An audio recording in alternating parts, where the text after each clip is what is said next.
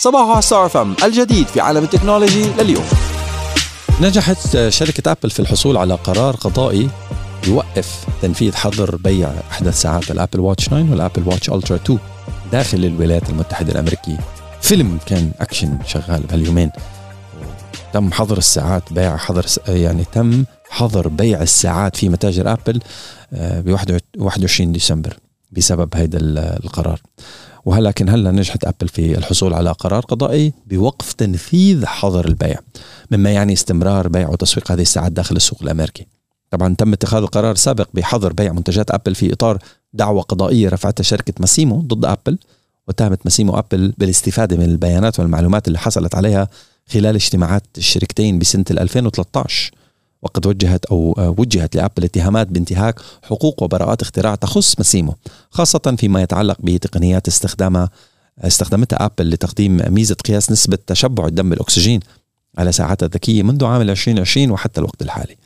وأوقفت أبل بالفعل بيع أحدث إطارات أو أحدث إصدارات ساعاتها الذكية عبر متجرها الإلكتروني بداية من 21 ديسمبر وداخل متاجرها الرسمية بداية من 25 ديسمبر تطبيقا للحكم القضائي اللي اتخذته لجنة التجارة الدولية الأمريكية. وقبل أن تتمكن أبل من وقف الحظر عبر قبول طلبها للاستئناف لاستئناف النظر في الدعوة، كانت الشركة تتعلق بخيط رفيع لإنقاذها من خسارة مالية قدرتها مؤسسة جي بي مورغان بحوالي 5 مليارات دولار نتيجة لحظر بيع ساعات الذكية وكانت ذلك أو كان هذا الخيط الرفيع هو تدخل الرئيس الأمريكي جو بايدن لوقف تطبيق قرار الحظر البيع إلا أنه لم يقم بذلك. جو كياني مدير ماسيمو أكد في مقابلة تلفزيونية سابقة استعداد شركته للتسوية في الدعوة ضد أبل في حال موافقة الأخيرة على التوقيع على اتفاق يحقق رضا جميع الأطراف. ويعني رفع الحظر رفع حظر بيع أحدث ساعات استمرار المنافسة في سوق الساعات الذكية مع منتجات الشركات الأخرى. ويأتي ذلك في وقت تتزايد فيه رغبة المستهلكين في شراء الأجهزة التقنية كهدايا خلال موسم الأعياد ونهاية العام. كما يعني رفع الحظر أيضا تقديم راحة لمستخدمي ساعات أبل القديمة إذ أن القرار قرار الحظر لا يشمل بيع ساعات أبل واتش ألترا 2 وأبل واتش 9 بس بل كان سيؤثر أيضا على إمكانية إصلاح الساعات القديمة. أكدت أمازون عبر رسالة بالإيميل بريد إلكتروني مرسلة إلى أعضاء برايم أنه أفلامهم ومسلسلاتهم وبرامجهم المفضلة رح تتخللها الإعلانات بدءا من 29 يناير 2024 يعني دافع وراح يطلع لك إعلانات. ويمثل هذا التحول خروج كبير عن إعلان برايم فيديو الخالي من الإعلانات المجاني وهي ميزة تم تجميعها سابقا مع اشتراك برايم بقيمة 139 دولار سنويا أو 1499 دولار شهريا والمعروف في المقام الأول بشحنه المجاني لمدة يومين. ولكن بالنسبة لأولئك اللي ما بدهم يشوفوا إعلانات في منتصف الحلقة تاعتهم بتقدم أمازون خيار رح يكلفك طبقة خالية من الإعلانات مقابل 299 دولار إضافي شهريا بالإضافة إلى الضرائب المقدمة. طبعا أو المطبقة. هذا عم بحكي عن, السوق الأمريكي. ما بعرف إذا رح تنتشر international ولكن برايم فيديو في الولايات المتحدة الأمريكية uh, they increase their prices وال price التقليدي آه رح يكون فيه إعلانات. لتبرير هذه الخطوة تشير أمازون إلى الحاجة إلى تعزيز مكتبة المحتوى الاخذه في التوسع باستمرار وقالت الشركة سيسمح لنا هذا بمواصلة الاستثمار في المحتوى الجاذب ومواصلة زيادة هذا الاستثمار على مدى فترة طويلة من الزمن. 299 ومن المثير للاهتمام أنه أمازون تقوم بالفعل ببيع الطبقة الخالية من الإعلانات مسبقا مما يمنح أعضاء برايم السبق في تأمين المشاهدات من دون انقطاع.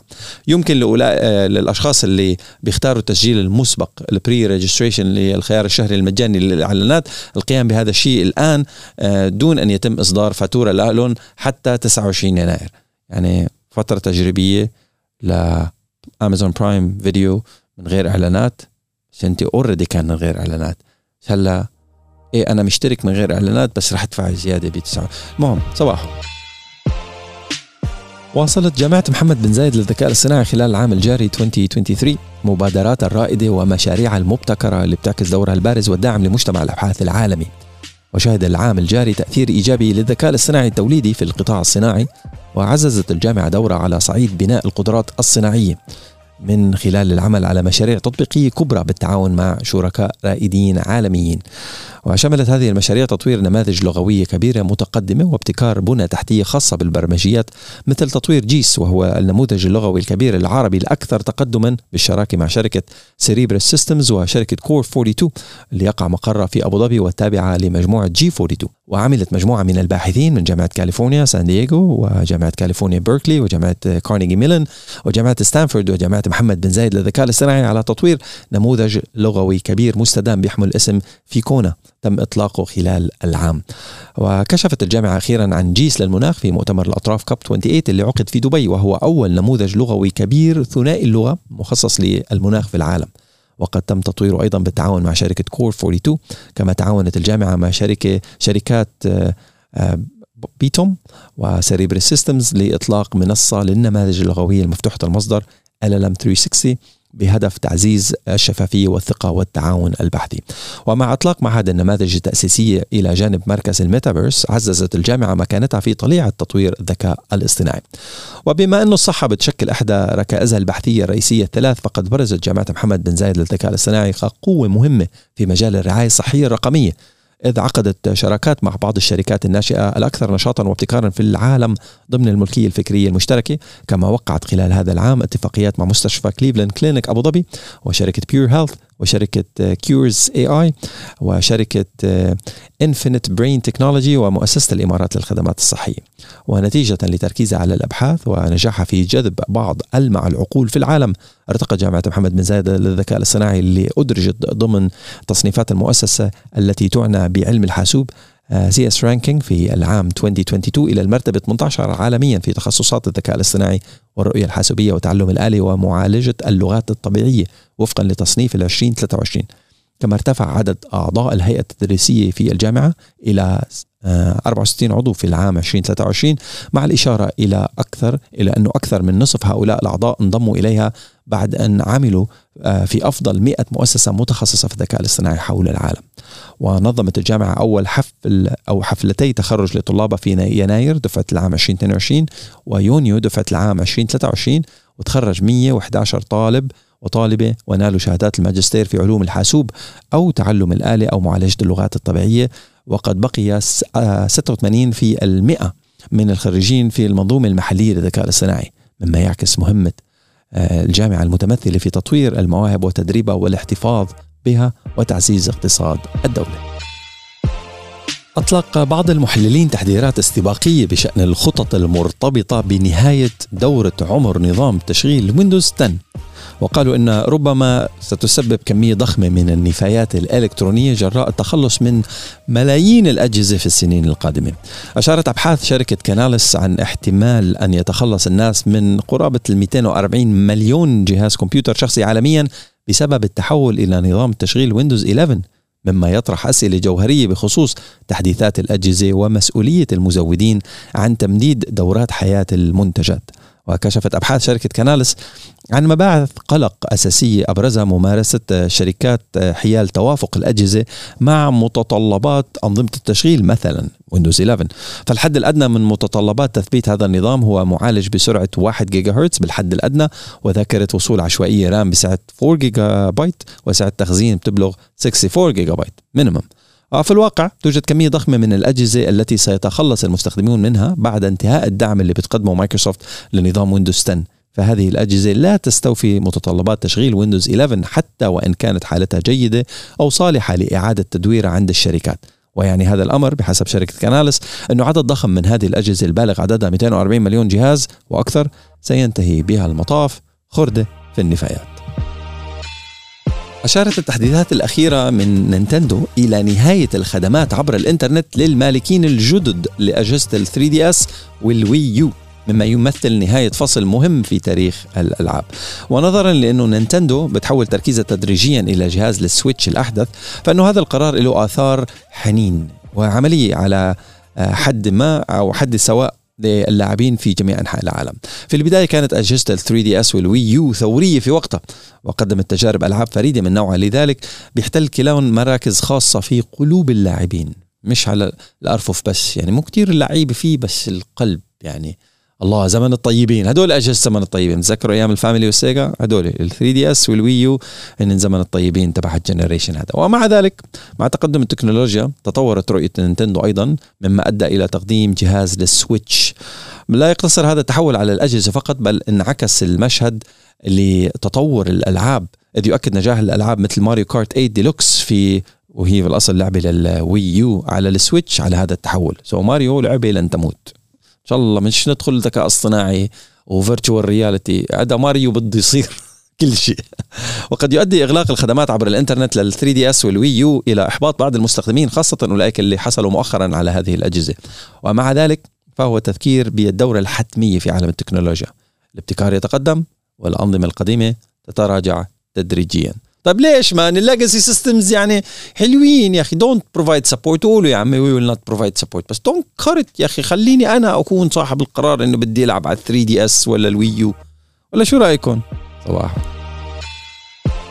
حذر خبير في الذكاء الاصطناعي الأشخاص من الثقة الزايدة عن اللزوم في روبوتات الدردشة من مثل ChatGPT وغيرها. والحديث معهم عن أسرار حياتهم أو عملهم.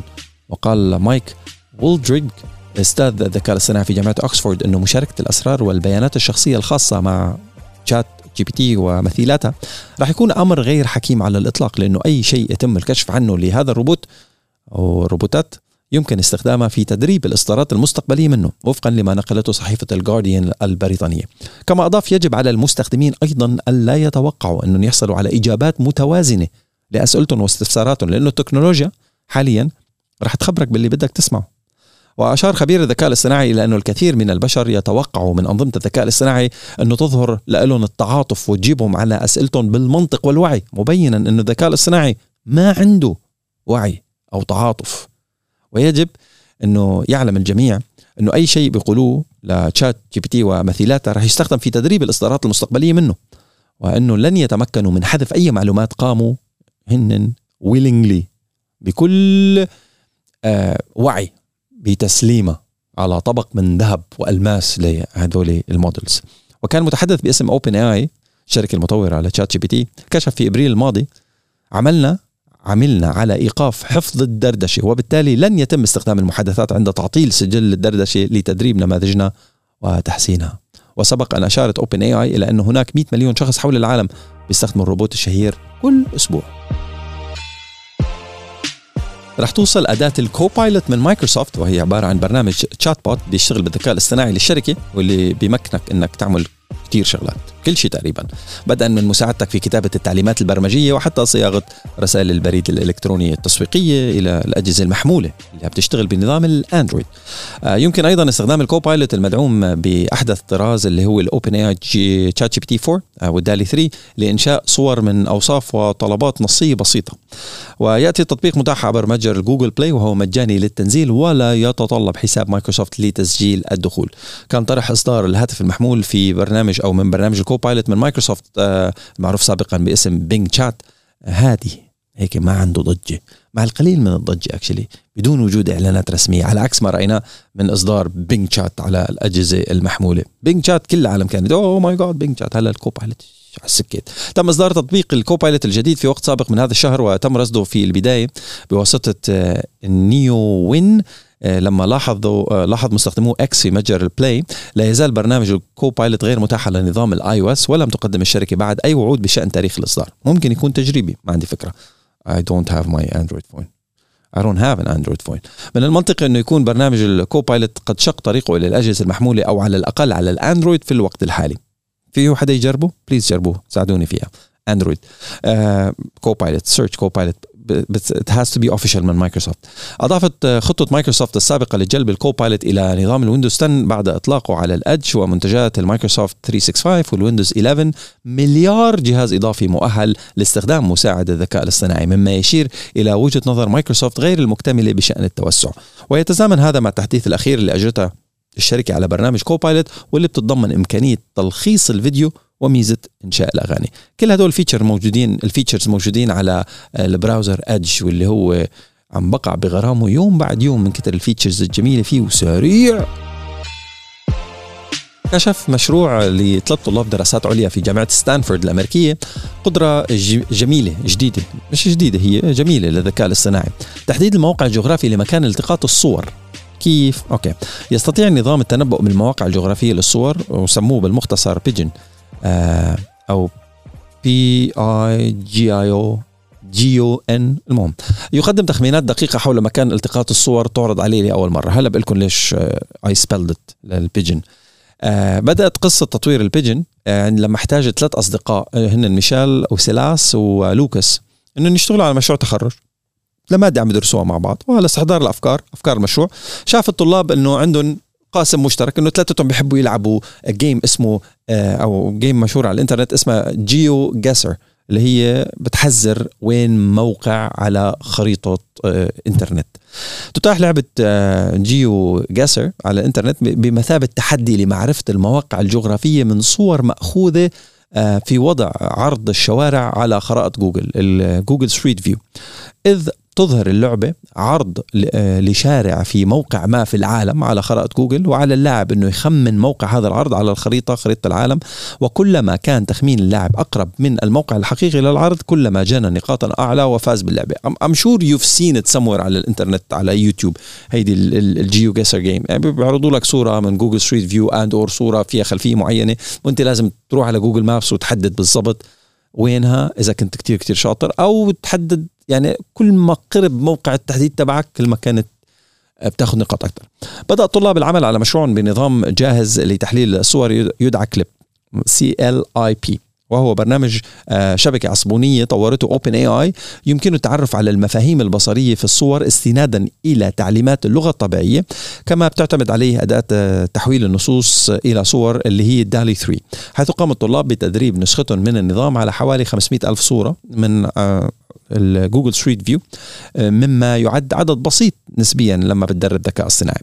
أضاف الفريق أجزاء إضافية إلى البرنامج منها جزء ساعد الذكاء الاصطناعي في تصنيف الصور حسب موقعها على الكرة الأرضية وبعد اكتمال تطويره استطاع نظام Pigeon تحديد موقع صورة من صور Google Street View بأي مكان على وجه الكرة الأرضية بدقة عالية. الله. وبعد قام الطلاب بتحدي اللاعبين البشر في لعبة GeoGuessr وكان Pigeon أول نظام ذكاء صناعي بيهزم واحد من أبرع وأشهر لاعبي اللعبة آه، اسمه تريفر رينبولت إيه رينبولت مكتوب بالعربي. المهم آه يتفوق Pigeon لأنه بيتعرف على جميع الأدلة الصغيرة ال cues الصغيرة اللي بيستطيع البشر ملاحظتها في الصور إضافة إلى العديد من الأدلة الدقيقة مثل الاختلافات الطفيفة في أوراق الشجر والتربة والطقس فهو ينجح في تخمين الدولة اللي تم التقاط الصور فيها بنسبة 95% ويمكن عادة اختيار موقع على بعد حوالي 40 كيلومتر من الموقع الفعلي لالتقاط الصورة. وتقول مجموعة الطلاب أن هذه التقنية لها استخدامات محتملة كثيرة فيمكنها مساعدة الأشخاص على تحديد مواقع صور عائلتهم القديمة أو تسمح لعلماء الأحياء بإجراء مسح سريع للمناطق بحثا عن أنواع النباتات الغازية أو تحديد الطرق أو خطوط الكهرباء التي تحتاج إلى إصلاح وترميم أو المساعدة في مراقبة التنوع البيولوجي أو مساعدة المعلمين أو حتى اقتراح وجهات للسفر وفقا على صورة عبالي روح على المكان. الصورة كتير كتير عجبتني.